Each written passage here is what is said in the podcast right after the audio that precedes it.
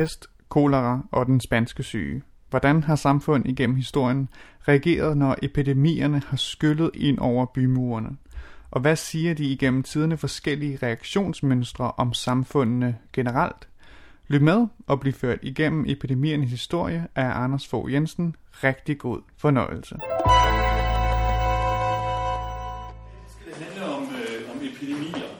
Hvordan man på styret organiserer sig under epidemier. Det bare kan lyde en smule tørt, men som ikke desto mindre er noget af det mest øh, drabelige i menneskehedens historie.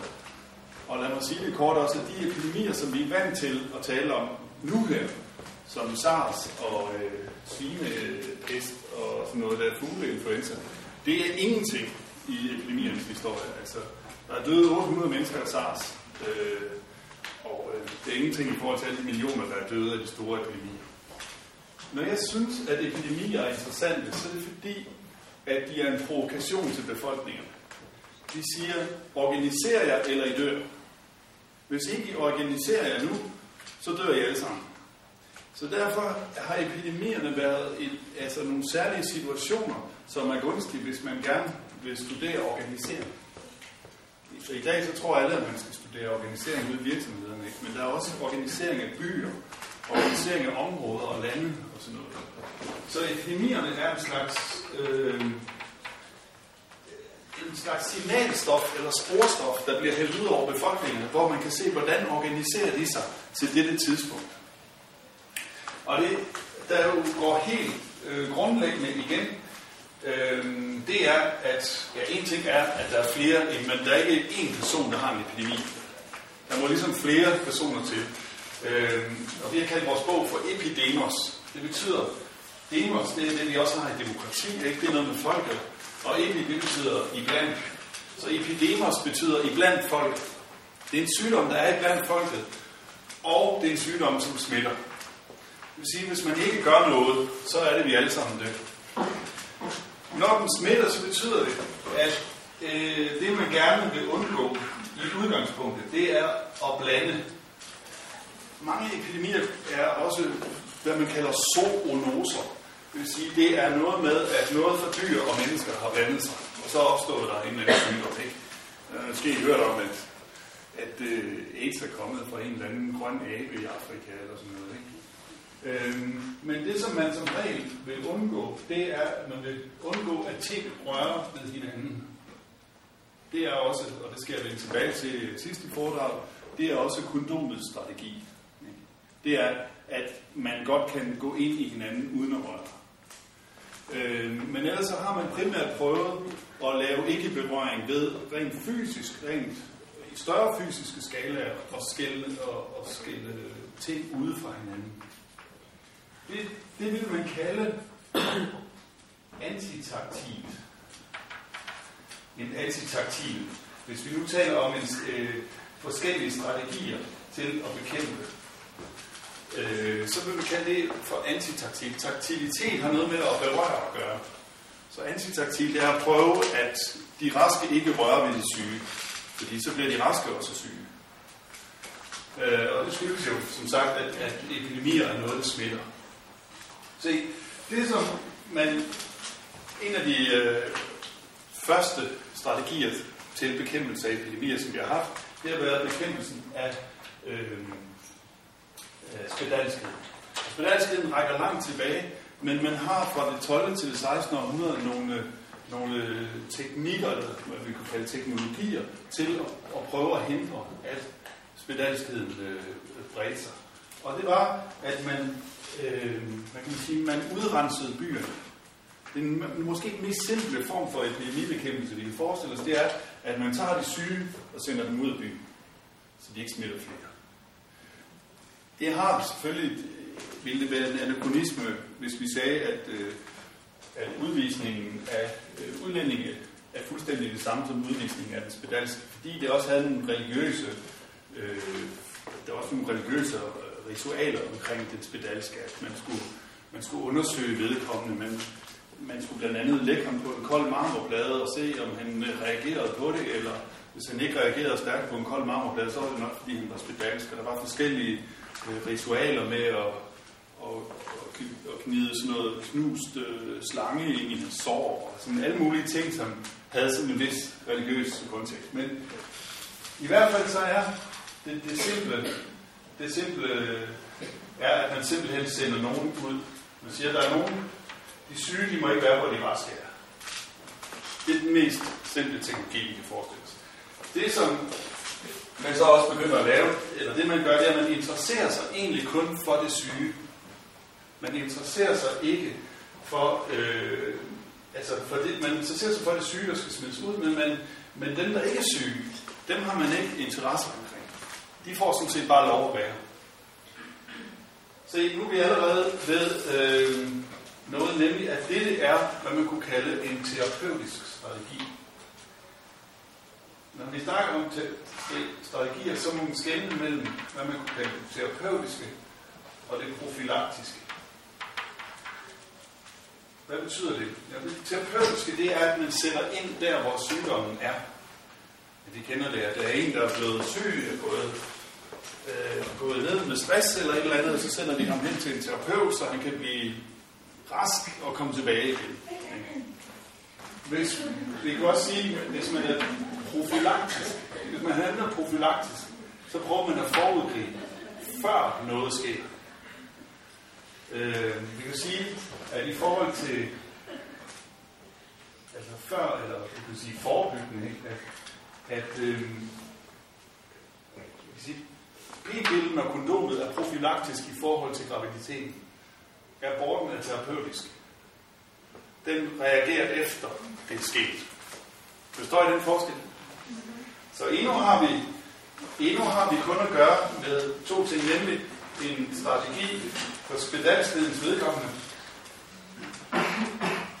som prøver at, at udsondre det syge, efter det er sket. En terapeutisk antiterapistrategi. Okay.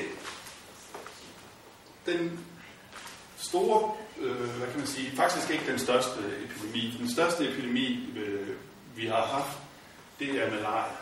Og malaria har udryddet flere end pest og kolera og kopper til sammen. Så, så, øh, men der var ikke så meget interesse omkring den. Den er ikke så dramatisk, øh, som mange af de andre epidemier. Øh, men pesten bliver samtidig associeret med, øh, bliver gjort synonym med, øh, med en epidemi. Ikke? Den hedder også simpelthen bare a plague, the plague på, på engelsk, ikke? altså en plage.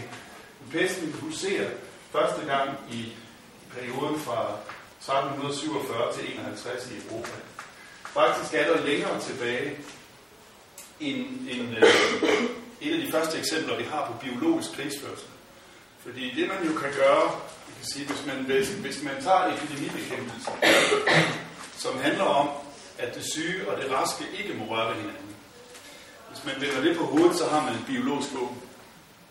Og det man gjorde i, i byen øh, Kaffa i øh, Mellemøsten, det var, at, at, øh, at øh, tatarerne, som var i krig mod byen Kaffa, de tog øh, pestramte lige og katapulterede dem ind over bymuren øh, ind til byen, således at pesten kommer og spreder sig der. Så hvis man tager og fjerner øh, det, det der anti, altså man prøver at opnå taktilitet, opnå berøring, så har man biologiske våben. Jeg skal også komme lidt tilbage til, hvordan at, at epidemibekæmpelsen har været brugt til øh, biologisk krigsførelse. Men det, som er med pesten, det er, at man har en forestilling om, som ikke er helt forkert, men man har en forestilling om, at man dør omkring 37 dage. Så derfor gjorde man det, at man øh, lavede, hvad man vil kalde en, en isolation uden for byerne. Altså pesten spreder sig ved, der kommer et skib til Genova i 1347, som ikke får lov at lægge til. Og så sejler de videre, og nogle skibe sejler op ad Rhonefloden, andre til Barcelona, og så i den her periode, så, så spreder det sig til hele Europa. Men der er nogle områder, hvor det lykkes at holde fri for pest. Og det skyldes, at man isolerer folk uden for byerne i, øh, i 40 dage. Det hvis man kommer til en by, så er man under mistanke for at have pest, eller man, man ved, der er pest uden omkring, så må man blive derude i 40 dage, og hvis man ikke er død, ja, så har man øh, ikke pest, og så kan man komme ind i byen. Det kalder man øh, 40 på, på italiensk, det hedder quarantina. Altså det er det, man kalder karantæne. En karantæne er, at man skal være derude. Så, så øh, det er sådan set den samme strategi. Den er bare, vi kan sige, den er profilaktisk. Ikke? Den handler før en kommer ind i byen. Øhm, så man, man bliver derude, og så må man øh, i isolation, en, en ø på italiensk hedder Isola. Ikke? Man havde også, at man, man smed folk ud på nogle øer, hvis de var syge og sådan noget. Før man kan komme ind i byen. Er I med så langt? Godt. Det næste er så spørgsmål, som stiller sig frem i det 17. og 18. århundrede, nemlig, hvad gør man, hvis byen allerede er smittet? Hvad stiller man så op? Altså, hvis, hvis vi har en by, hvor pesten har spredt sig, ja, så gør man det. Så får man den tanke, at man kunne, hvis nu siger, at vi har en masse huse her inde i byen, og de har pest der, og de har, de har pest der, og de har pest der, for eksempel. Så er det jo, at epidemien igen er en provokation til befolkningen, der siger, organiser jer, eller I dør. Og der får man jo så den idé, at man kunne bygge karantænen ind i byen. Vil sige, hvis man lavede et fuldstændigt relevant over, hvor alle måtte være til hvilket tidspunkt, så kunne man øh, altså på den måde manøvrere sig ud af pesten. Det vil sige, at man, man lavede, havde nogle relevante over, at alle, alle skulle blive i deres huse. På femte dag, der skulle vinduerne klistres til, og man skulle sprøjte med noget parfume og sådan noget. Der var relevante om, hvem der skulle transportere mad rundt mellem de forskellige huse. Der var, øh, øh, hvad kan man sige, der var også en mand, der gik rundt hver morgen og talte, så alle skulle vise sig hver, hver, hver øh, morgen i vinduet, ikke? at nu er, vi, nu er vi så fire tilbage her i familien Nielsen, og nu er vi tre tilbage i familien Hansen, ikke? og så, så kunne man notere det. Men øh, så det, der jo ville ske efter en 40-50 dage, det var, at de familier, som havde pest, de ville dø. Men byen ville overleve. Alternativet var, at hele byen døde. Så det, som, som vi kan sige, at pesten giver anledning til, det er en form for fixering. Hvor man, hvor man låser, øh, man laver en rummelig opdeling og låser, øh, hvad kan man sige, alle bevægelser med henblik på at klare sig ud af det.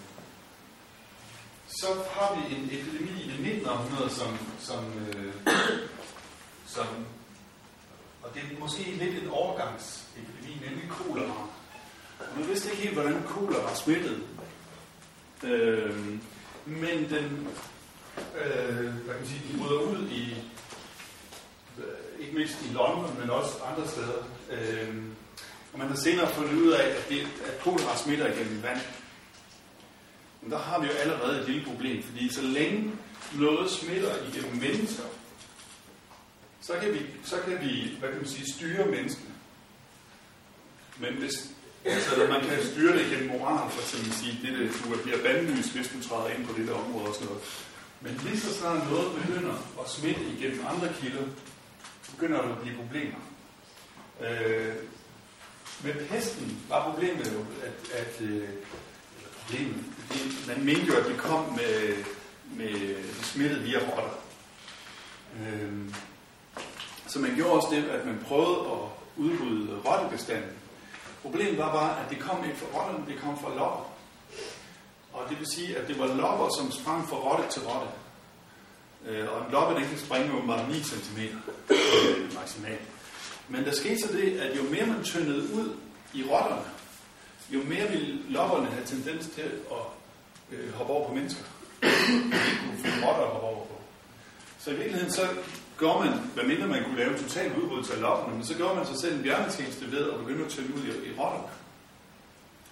Og det, det er altså det, at når noget kan smitte mellem dyr, altså det er noget som gul feber, man har smitter også via myg, så kan man ikke bruge helt de samme sådan moralske teknologier, som man vil, vil kunne bruge, hvis det er mennesker, hvis det smitter direkte fra menneske til menneske. Altså i omkring øh, øh, omkring AIDS-epidemien, eller HIV, ikke, som var det store hit, da jeg gik i skole i 80'erne, ikke, hvor store skræmmekampagner om, hvordan øh, det her det ville udvikle sig fuldstændig eksponentielt og sådan noget.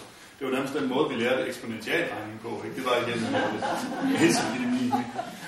Øh, der handlede det jo enormt meget om moralisering. At sige, husk nu at bruge kondom, og du, du tager dig kun af både dig selv og den anden, hvis du er mistænksom over for jer begge, og graver ned i, i øh, natbordskuffen efter kondomer og sådan noget. Ikke? Men, men det kan man ikke, når, det er, når vi har med myg at gøre. Vel? Så kan man ikke på samme måde øh, moralisere sig ud af det. Det med, med kolera, det er, at man finder ud af, at kolera smitter gennem vand.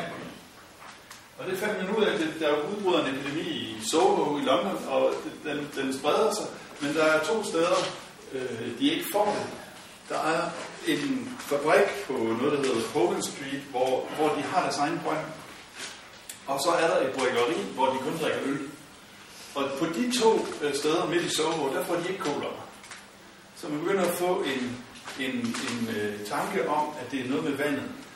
Og da der så er en gammel dame, som er flyttet væk fra det område, øh, men som så godt kunne lide drikkevandet i Soho, så hun lader, lader vand transportere. Men hun dør lige pludselig altså, af kolera i området, hvor, hvor der altså ikke er nogen, der dør af kolera. Så får man den her mistanke, at det er Gud, det skulle gennem vand, det smitter. Og hvad betyder det, at det smitter gennem vand? Ja, det betyder, at vi kan ikke længere bare fixere, fordi vi er nødt til at have nyt vand. Så koleraen betyder en hel masse for kloakering, altså at man, man skal nok have pestens opdelinger. At det vand, der flyder ind i husene, skal være adskilt for det, der flyder ud af husene. Men det er samtidig ikke en fixeringsstyring, øh, det er en styring af cirkulationer.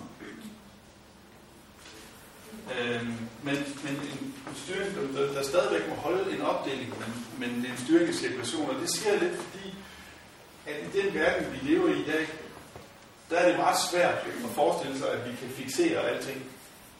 Øh, så derfor handler det om at styre cirkulationer. Altså for eksempel, når, når, når man øh, opdager SARS ved, at der er en finde, der er fløjet fra Vancouver øh, med et fly, som tidligere har været i Hongkong eller i en, en kinesisk, sydkinesisk provins, så, så bliver det noget med, at der er nogle cirkulationer der, der skal lukkes fra de andre cirkulationer. Man forestiller sig ikke, at man skulle lukke alle flygrænser. Så er der en epidemi, som er lidt øh, særlig, som er kopper kommer egentlig den store succeshistorie inden for epidemibekæmpelse. Altså, det bliver jo egentlig udryddet fra, fra jordens overflade i, i 77, Øhm, hvor man havde det sidste tilfælde i Somalia. øhm, men kopper er særlig øh, øh, ja, på flere måder, men det er særligt derved, at øh, når, man, når man får det, så, øh, så bliver man enten immun for det resten af livet, hvis man overlever det, eller man dør. Øh, og det har man opdaget helt tilbage til, til det 11. århundrede. Der havde man en tanke om, at kunne man udsætte sig for en lille smule sygdom, og hvad betyder det? Så kunne det være, at man kunne blive immun. Det vil sige, at man, man lavede sådan noget, man, man skrabede sår af folk, der havde kopper, og så øh, i Kina blandt andet, så skrabede man sår af dem, der havde kopper, og så knuste man det pulver der, og så skulle drengene så suge det ind igennem næse, højre næsebor, og pigerne ind igennem venstre næsebor. Øh, med den tanke, at hvis de rørte ved det, så ville kunne de opøve øh, immunitet. I Indien gjorde man det, at man ligesom skar muskler op og lagde det der øh, koppesauce-pulver der direkte i muskel. Men det, som er særligt ved det her, det er, at man begynder at tænke, at det er faktisk godt at røre ved sygdommen, og ikke kun at undgå at røre ved sygdommen, hvilket man selvfølgelig også kunne have en vis religiøs undertone, ikke? at hvis man fuldstændig ikke vil vide af, at djævlen findes, så er man under risiko for at blive optaget af ham. Ikke? Men hvis man ved, at djævlen findes, og har været i kontakt med ham, men forsager ham, øh, så er man måske en sundere troende. Altså jeg tænker, om den tankefigur også kan spille ind i det her med at røre ved sygdom. Men det, der sker i... Det, det er en stor epidemi i det, i det 1800 tilbage i, i 1721, der bryder det ud i Konstantinopel, hvor, øh, hvor øh, hvad hedder det, ambassadørfruen dernede, Lady Montague, hun er sådan en, der er lidt fremme i skoen, og hun, hun dyrker det, som man kalder inokulation. Øh, det vil sige, at man tager noget blod fra dem, der har kopper, og så putter man en lille smule i sit eget blod, med henblik så på at få lidt kopper og overvinde det. Og nogle gange har det virket lidt, men nogle gange har det faktisk haft en omvendt virkning, nemlig at kopper spredte sig helt vildt hurtigt. Øh, som, fordi folk de, de troede, det er ligesom de der computervirus, hvor, hvor der står, øh, øh, som ikke er en virus, men du får en mail, hvor der står, at du skal gå ind og slette, pas på, der er en virus i omløbet, du skal gå ind og slette denne fil. Og så sletter man den fil, men så er det det, der er virusen. Ikke? Så i virkeligheden ved at prøve at undgå den, så kommer man til at sprede virusen. Det afgørende øh, brud her, det kommer i øh, 1796, fordi der, er en, øh, der går et øh, rygte om, at øh, malkepiger de er særlig sunde.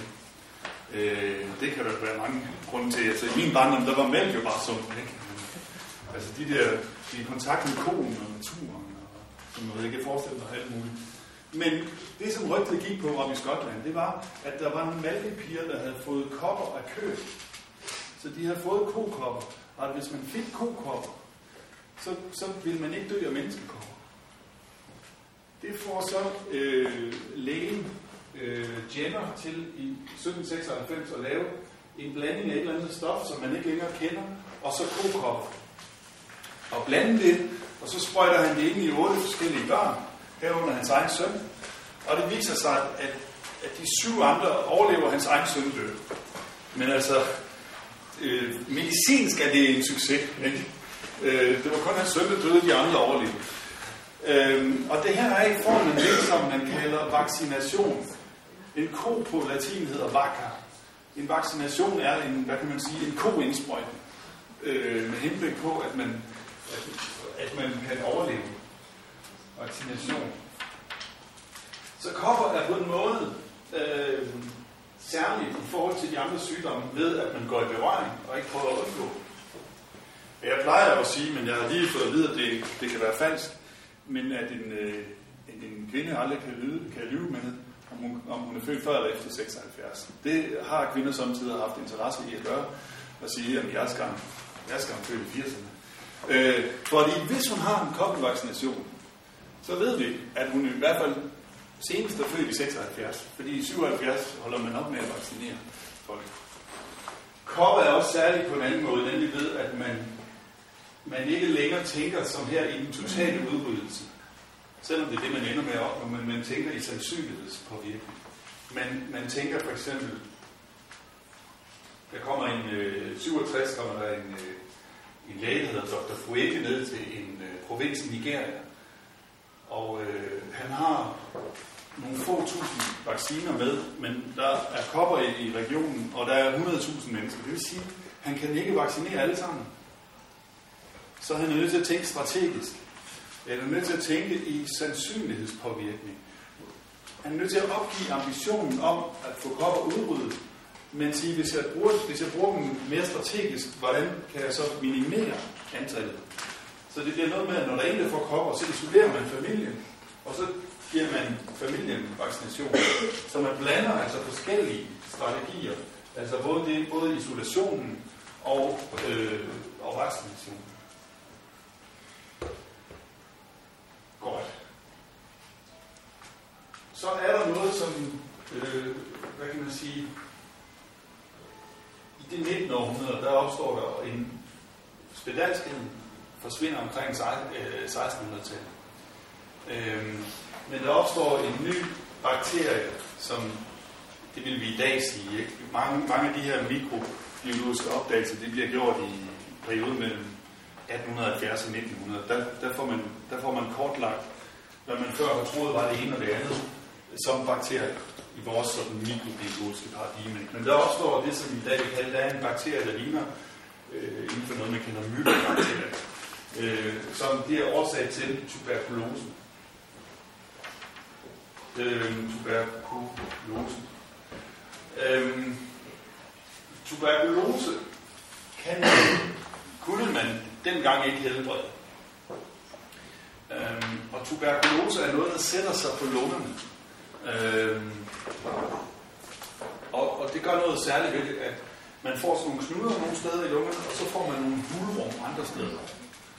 Øhm, og øh, altså, en, øh, en af de historier, der er omkring det, det er, at øh, en, en, øh, en læge, der hedder Hækkenbrygger, han i midten af, eller, ja, midten af 1700-tallet, hans far, han er øh, brygmester.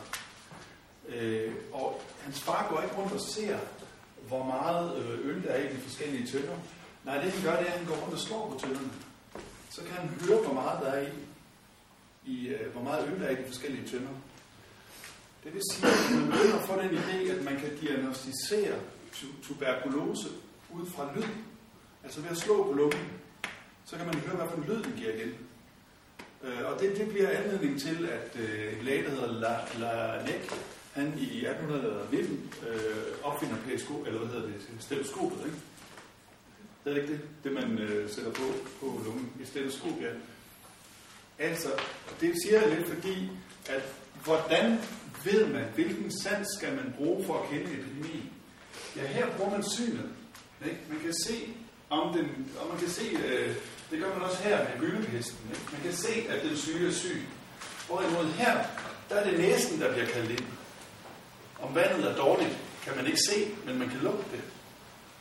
Og her er det øret, der bliver kaldt ind. Om, om, om personen med tuberkulose kan man måske endnu ikke se, men man kan høre det. Men det, som er så med tuberkulose, det er, at man prøver at indrette sig på at leve med sygdommen. Man vil sige, at man prøver ikke at bekæmpe den, men man prøver at lave et sygdomsliv. Øhm, I, man kalder sanitarier.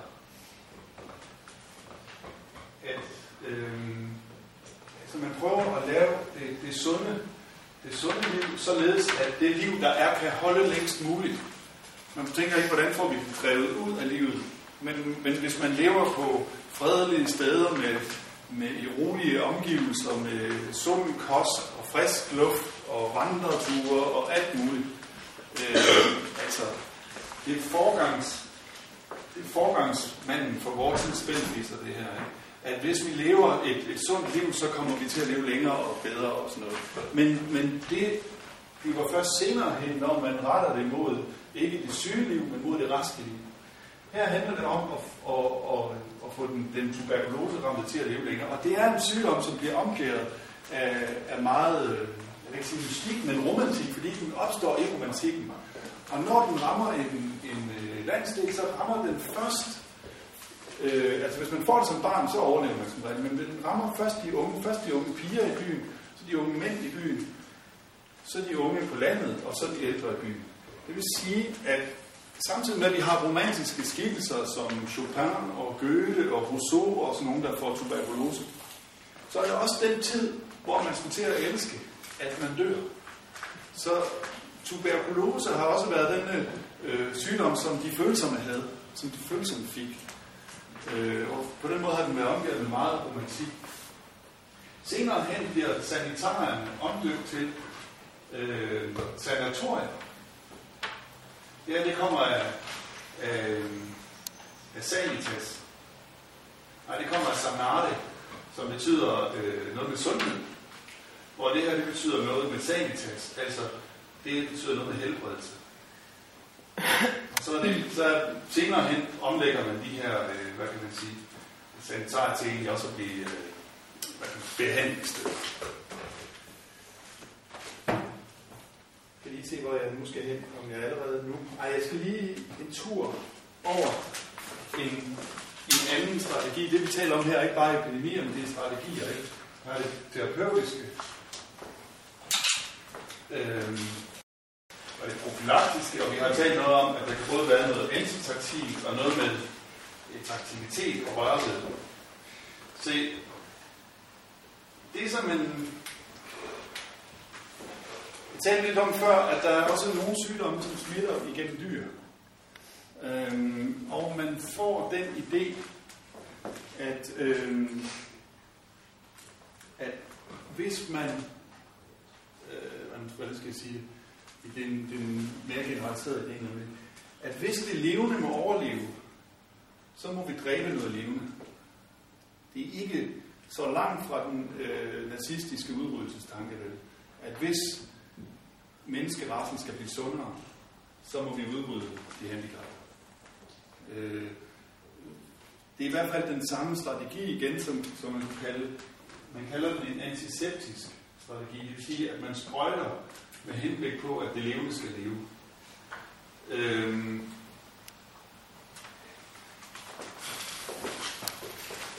når jeg siger, at den er mere generelt, det, den retter sig særligt mod øhm, to myggespredende sygdomme, gul feber og malaria. Og, øhm, den gode historie med, der er cirka 400 myggearter, og øh, den gode historie med gul feber, det er, at øh, det er kun hundmyggen af en af arterne, der hedder Aedes aegypti, som, som kan smitte.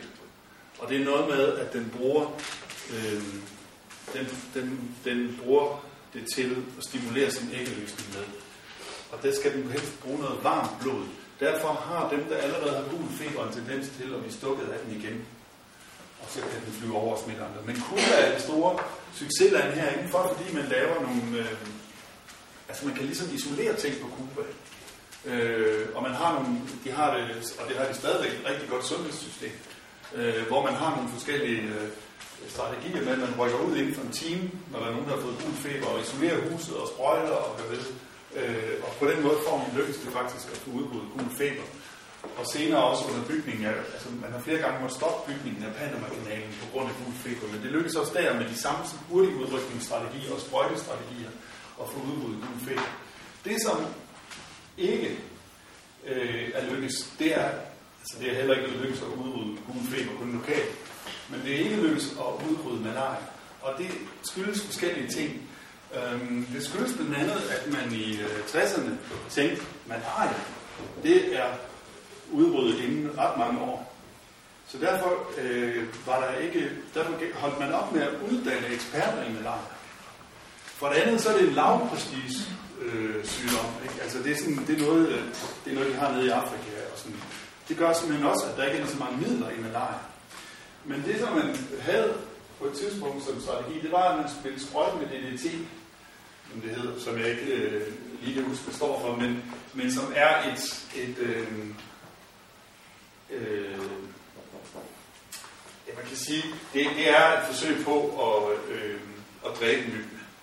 Det, der bare er problemet, det er, at det går ind i øh, det går ind og regulerer i økosystemet. Hvordan så skete der det, at, at rovfugle de fik øh, meget tynde æggeskaller, og øh, i det hele taget så begyndte der, det begyndte at gå stærkt ud over rovfuglene, og det forandrede økosystemet på en måde, som var helt uhensigtsmæssigt. Så, så man kunne ligesom ikke bruge den strategi. Men det, som interesserer mig lidt med den, det er blandt andet, at den bliver generaliseret til vores, øh, hvad kan man sige, vores almindelige rengøring i løbet af det 20. århundrede. At det skal helst lugte af klor eller sprit eller sådan noget. Ikke? At vi skal, vi skal være i gang med at dræbe bakterier for at gøre det rent. Det interesserer mig selvfølgelig også i dag, for eksempel, når man har fået en øh, udvikling af et behandlingsmiddel mod, mod tuberkulose. Det var det, man kaldte salvarsan. Og senere neosalvarsan. Og neosalvarsan udvikler sig til det, man i dag kalder kemoterapi. Altså kemoterapien er jo også en antiseptisk strategi, der siger, at vi må slå noget i kroppen ihjel, for at det, vi vil have, skal leve, skal leve. Forstår I det? Øhm, men når vi i det 20. århundrede får, øh, hvis vi taler om sanser, ikke, så begynder jo at, at, at, at, at både med husmøderbevægelsen sådan i 1920'erne og 30'erne, ikke, at, at, at, øh, at møderne skulle lære at, øh, at gøre ordentligt, gå ordentligt rent i hjemmet og vaske tøjet ordentligt og klæde deres børn ordentligt på og sådan noget. At man havde sådan nogle projekter. Så var det fordi, at man også tænkte, at man kan ikke stole på sanserne. Det vil sige, at man, man skulle udvikle det, man kunne kalde et, et parasyn.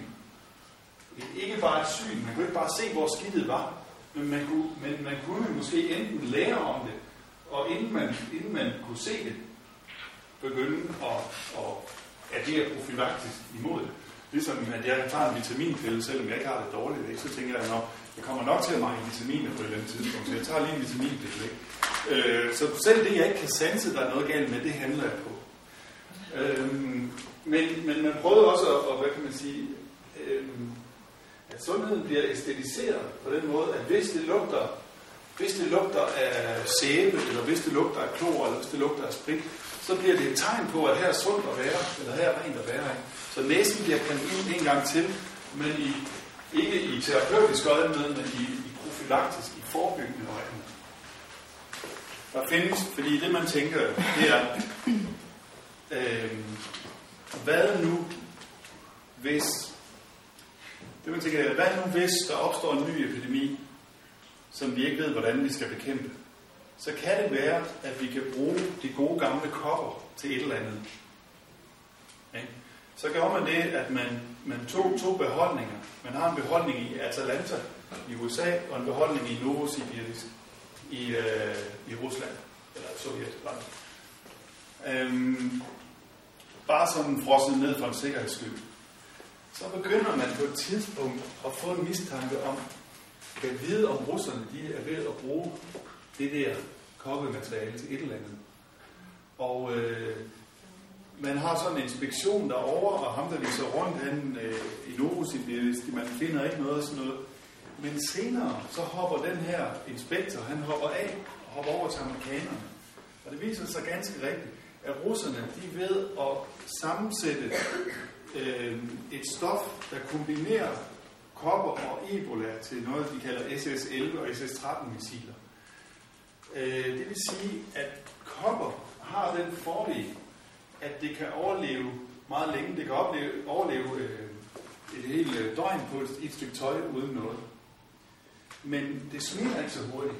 Det gør til gengæld Ebola. Så hvis man kunne koble kopper og Ebola, og øh, kunne dele i nogle missiler, så kunne man jo, hvad kan man sige, skyde epidemier ind i befolkningen. Det er fuldstændig rigtigt, at, der, at det er frosset ned kopper, og at man har den her, hvad fanden, hvad fanden gør de andre nu med det?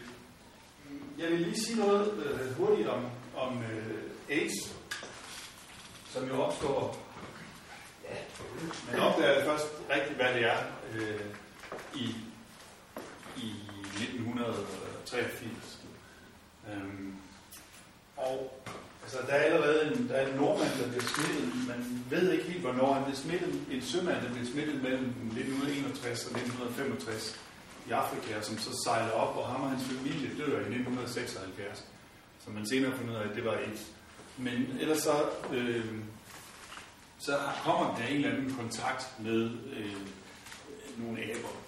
Og den, den spreder sig primært i, i, øh, i så til at starte med i, i, øh, i bøssemiljøet. Ikke? Og det, man, det bliver den også kaldt, på, i hvert fald lærke i skole, så bliver den kaldt en bøssepest. Det var noget, der ramte bøsserne, og der har heller ikke, man har jo tidligere været hurtigt til at drage øh, moralsk religiøse slutninger omkring epidemier. Det skyldes nok, at det var sandet, at det fik pesten og sådan noget. Øhm, men det viser selvfølgelig ikke at have noget på sig. Men se, det man var tilbageholdende overfor, det var, at man var tilbageholdende over for at bruge pestens strategi. Se, i starten var der nogle tanker om, at kunne man ikke bruge nogle øer i den svenske skærgård, øh, og i USA var der også sådan lidt tanker om det, og Schweiz var der lidt de her tanke om, kan vi måske tatovere dem, der er AIDS, eller sådan noget. Øhm, men man afholdt sig generelt fra den her rumlige løsning på problemerne. Fordi man, vil jeg mene, at man lever i, i et samfund, hvor det, ja, det er blevet, det er blevet populært at isolere, medmindre det fanger. Ikke? Øhm, men også fordi, at kontakt og cirkulation er så vigtigt i vores samfund. Så man prøver at tænke en løsning, hvor vi både kan have det antitaktile, profylaktiske, altså handle med ikke-berøring, før det hænder, og noget, der ikke forstyrrer cirkulationen. Og det her kondomet, som er en fransk opfindelse fra 1840'erne, viser sig så at, at blive øh, den primære løsning på det. Som det, der både bliver moraliseret og æstetiseret. Ikke? Øh, som at man er den moralske ansvarlige. Det er jo både for din og min skyld, hvis jeg griber ned i natbordskuffen og finder kondomet frem. Jeg ved jo ikke, hvor jeg har været, og du ved jo ikke, hvor du har været, og bla bla. Ikke? Men det bliver også æstetiseret i form af sange, som den jeg elsker, elsker jeg, og sådan, ikke? Man er ligesom den, den, den cool, der bruger kondomer. Ikke? Man, man forsøger at handle sig ud af det den vej, og ikke igennem tvang. Jeg tænker egentlig også bare, at det, det er jo så bare min egen øh, lille lomme til, til men, men kondomet er på mange måder øh, et emblem på vores samfund. Altså det med, at man går, man går ind i nogle relationer og trækker sig ud, uden at det har konsekvenser på nogen måde. Øh, altså konsulenten er indbegrebet af kondomarbejderen, ikke? Øh, som går ind i en organisation, men hvordan han bliver videreuddannet, hvordan, om, han får, om det har men på for ham, hvordan han bliver pensioneret, eller hvordan han i øvrigt gør noget, det er lige meget, fordi han er der bare og så trækker han sig ud af. Øh, så det, altså, det er en ny relationstype, vi får i det her samfund, som, ja, som jeg ikke ved, hvor meget jeg skal gå i dybden med lige nu her.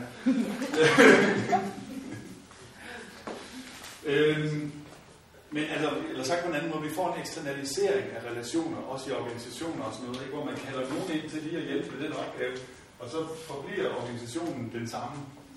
Ikke? Øhm, jeg får penge for at stå her, og så går jeg igen.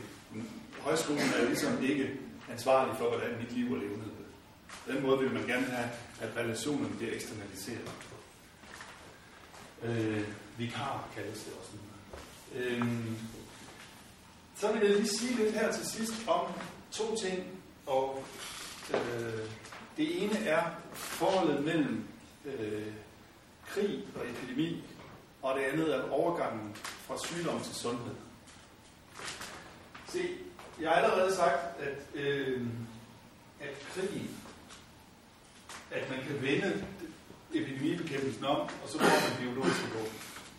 Så den har været, krigen har været involveret med epidemierne øh, utrolig længe. Jeg kan fortælle, at man, man smed øh, pestramte lige ind over kaffe i 1336 og 37. Ikke? Men øh, da, da franskmændene invaderede Napoli i 1495, der sendte man syfilisramte piger ud i gaden, øh, som franskmændene selvfølgelig forgreb sig på og fik syfilis. Ikke?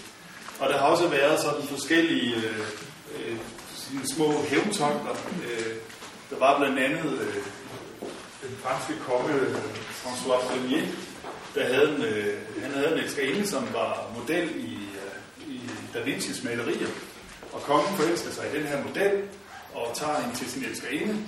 Og det bliver, øh, det bliver øh, denne models mand jo selvfølgelig noget fortørnet over, så han går på bordel og lader sig besmitte med syfilis, øh, så hun får syfilis, så kongen får syfilis, Øh, på den måde har det været sådan øh, forskellige former for, for hævnaktioner. Der er også, øh, altså, epidemier har betydet meget i krig. Øh, forstået på den måde også, at altså, for det første mener man, at Columbus havde, øh, havde syfilis med hjem fra, fra indianerne. Men da spanierne senere tager over for at bekæmpe indianerne, der er de resistente over for kopper. Ikke fordi de er vaccineret, men fordi de har overlevet. Men indianerne er ikke resistente. Så når de vader ind i den, eller i den øh, indianske befolkning, så får de meget lettere at spille, end de ellers ville have fået, fordi de dør rundt omkring af kopper. Det har man også forsøgt at bruge strategisk, så sent som under 2. verdenskrig også, hvor amerikanerne ville bruge det mod japanerne. Man brugte også øh, kopper, altså øh, at under Vietnamkrigen, at de amerikanske soldater var vaccineret og resistente over for kopper, men det var, øh, det var øh, vietnameserne ikke. Øh, så man fik lettere at spille. Man har også brugt det omvendt. Øh, der var en lille provins i Nordamerika, der blev, der blev, øh, øh, altså, der blev det var en, en, en krig mellem nogle englænder og nogle amerikanere, hvor englænderne meldte ud, vi har gul feber, vi har gul feber. Ja. Så det omvendte, således at de ikke blev hvad skal man sige, invaderet. Ikke? Så det er været brugt på forskellige måder øh, strategisk øh, til enten at, at få lettere at spille, eller, eller at holde nogen væk. Det, der så er ved at ske, synes jeg, med epidemibegrebet nu, det er, at der sker en glidning, hvor epidemi betyder smitsomme biologiske sygdomme, som bliver overført mellem mennesker. Enten via de hinanden, eller via vand, eller via dyr, eller et eller andet. Så begynder epidemi nu at betyde noget, øh, hvad kan man sige, hvor det sociale eller adfærdsmæssige, der adgår det, sige, man begynder langsomt at kunne tale om, at rygning er en epidemi, der kan smitte. eller at fedme er en epidemi, der kan smitte, eller at kriminalitet er en epidemi, der kan smitte. Øh, og så kan man sige, hvad gør nu det? Er det ikke lige øh, men er det ikke bare en fin metafor for, at øh, hvis du vokser op i Gellerup-parken, og hvor de smadrer lamper hele tiden, så kommer du også til at smadre lamper hele tiden. Er det ikke bare en ganske uskyldig og ganske passende metafor? Det er det ikke, hvis epidemi epidemi er noget, som legitimerer, at man tager ret kraftige midler i brug. Så bliver det at begynde at kalde social adfærd for epidemier, det bliver en legitimering af hårdere midler, end man ellers ville gøre. Så hvis kriminalitet, hvis man kan sige narkokriminalitet er en epidemi, ja, så kan det legitimere hårdere indgreb over for rockerne, end det ellers ville gøre i vores retssystem. På den måde mener jeg ikke, det, det, denne, øh, der er ved at opstå sådan en triade af krig. Man forstår jo tit, for eksempel også kemoterapien som en krig, ikke? Eller man, man er, der er noget, der, der er en kamp, der skal kæmpes, ikke? Men den her triade, den begynder at legitimere nogle, nogle hårde sociale teknologier, man ellers ville kunne, hvis ikke man kaldte det en epidemi. Det var det ene, jeg ville sige. Det andet, jeg vil sige, det er, at der sker også det, at øh, vi går fra en, en glidning øh, som går via forebyggelsen fra sygdom til sundhed.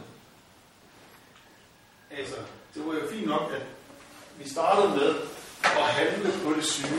Det vil sige, det var en terapeutisk handling. Så blev vi opmærksom på, kan vi på nogen måde foregribe sygdommen? Så vi begynder at blive profilaktiske. Men med modeller hentet fra tuberkulosen, som også var en terapeutisk model, det vil sige, det handlede om at gøre de syges liv sundere, således at de kunne holde sig i liv længere. Hvis den, det sunde liv også begynder at blive brugt profilaktisk, altså at det menneske, der ikke er sygt, skal, hvad kan man sige, skal leve sundere, så begynder, så begynder hele, hvad kan man sige, øh, øh, den sundhedsmæssige indsats og handle mod de raske læger, som endnu ikke er syge. Det vil sige, det inkluderer hele befolkningen. Hele befolkningen er potentielt syge hele tiden. Inklusionen startede allerede her, fordi de siger, her var man kun interesseret i, hvem er syge, og så ud med dem. Og de raske, de fik lov at være fred. Det, der begynder at ske her, det er i pesten, det er, at man begynder også at interessere sig for de raske. Og det, man så begynder nu, det er, at man begynder også at interessere sig for de sunde, at de sunde bliver ved med at være sunde. Det er klart, at man begynder at tænke sådan, sende breve ud til, til 20-årige kvinder, der har sunde bryster, om de ikke vil lige have dem scannet, fordi øh, det kunne jo være, at øh, de potentielt havde brystkræft og sådan noget, at man, man får sygeliggjort det sunde på den måde. Men det foregår også i høj grad gennem en selv, selv øh, jeg vil ikke kalde det sygeliggørelse, men en risikabilisering af livet. At det almindelige bliver risikabelt. Det sunde bliver risikabelt. Det vil også sige, at alt det, som er det gode, det, det livskraftige, mad og blod og sæd, er risikabelt. Øhm, og det, det øh, synes jeg, det er det, der vil ske nu, at, at der dels sker det, at epidemibegrebet bliver brugt mere bredt, men også, at når det kommer til at handle om adfærd og indtagelse af føde osv., så begynder det også at handle om, om alle, og alle os andre, der hvad kan man sige, lever et risikabelt liv, bare fordi vi lever. Altså det er kun øh, lige det aller sidste der, om du har nogen, øh, sådan, om du har gjort, øh, tænker noget, og øh, har tænkt over, hvorfor det har udviklet sig på den måde. Altså hvorfor, hvor, hvor, hvorfor er man begyndt, hvilket formål tjener det at anse det øh, normale liv for at være så risikabelt? For jeg synes, du er fuldstændig ret, øh, at det virkelig, der er en meget, meget stor forskel på, hvordan man har taklet ganske almindelige fænomener i livet. Ja. Øh, for ikke så mange år siden, og så til nu, hvor man føler sig truet af Ja. for eksempel af mad. Lad os bare Ja. sige det, det er en meget godt eksempel. Øhm, jeg tror, at vi filosofer vi bliver en lille smule øh, bæverne i stemmen, når der bliver stillet hvorfor-spørgsmål til Ja. historiske processer. Ja, Altså, hvorfor udviklede det sig sådan?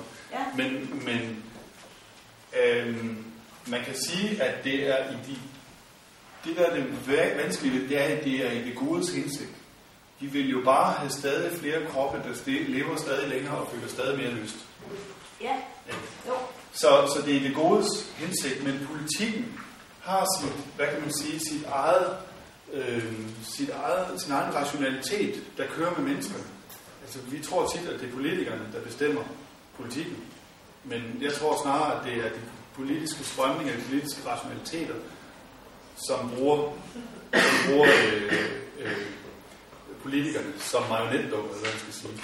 Så en vinkel, når jeg går op ad jeres gårdsgade og ser alle de steder, jeg kan købe spil, og øh, alle de steder, jeg kan købe øh, smoothies og alt det der, det er at sige, ej, hvor er det blevet sundt.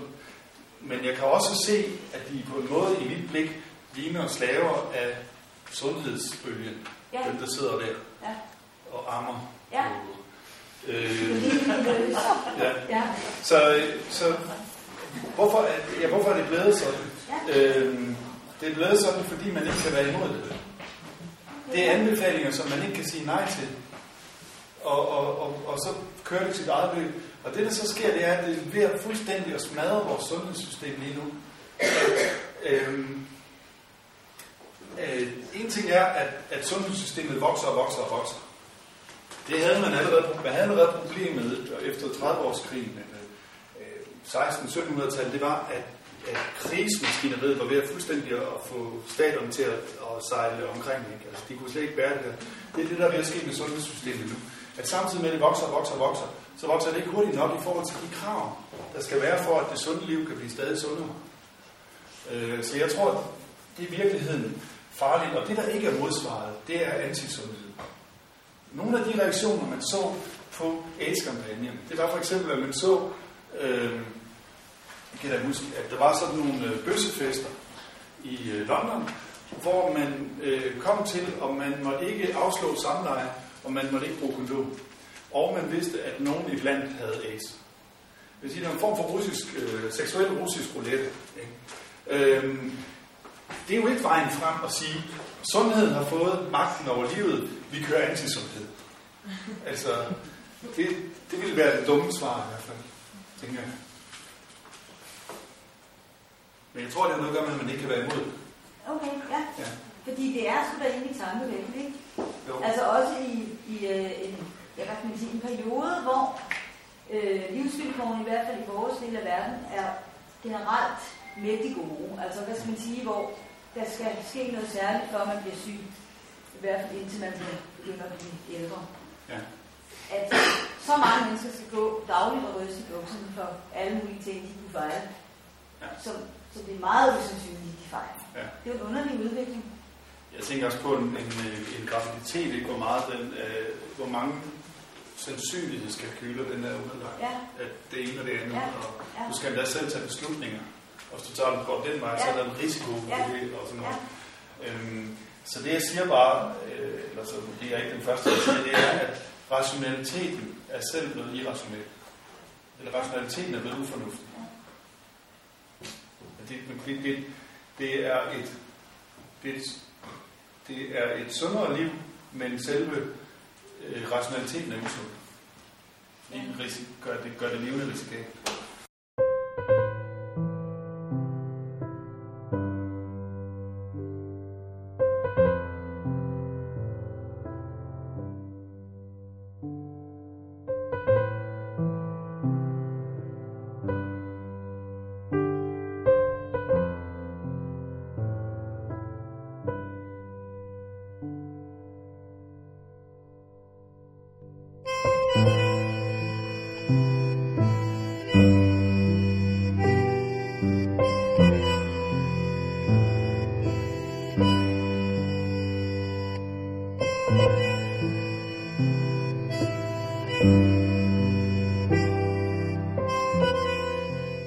Du har lyttet til Filosofens podcast. Se mere på min hjemmeside filosofen.dk og tag med mig på dannelsesrejse. Se dannelsesrejser.dk. Mit navn er Anders Fogh Jensen. Tak fordi du lyttede med.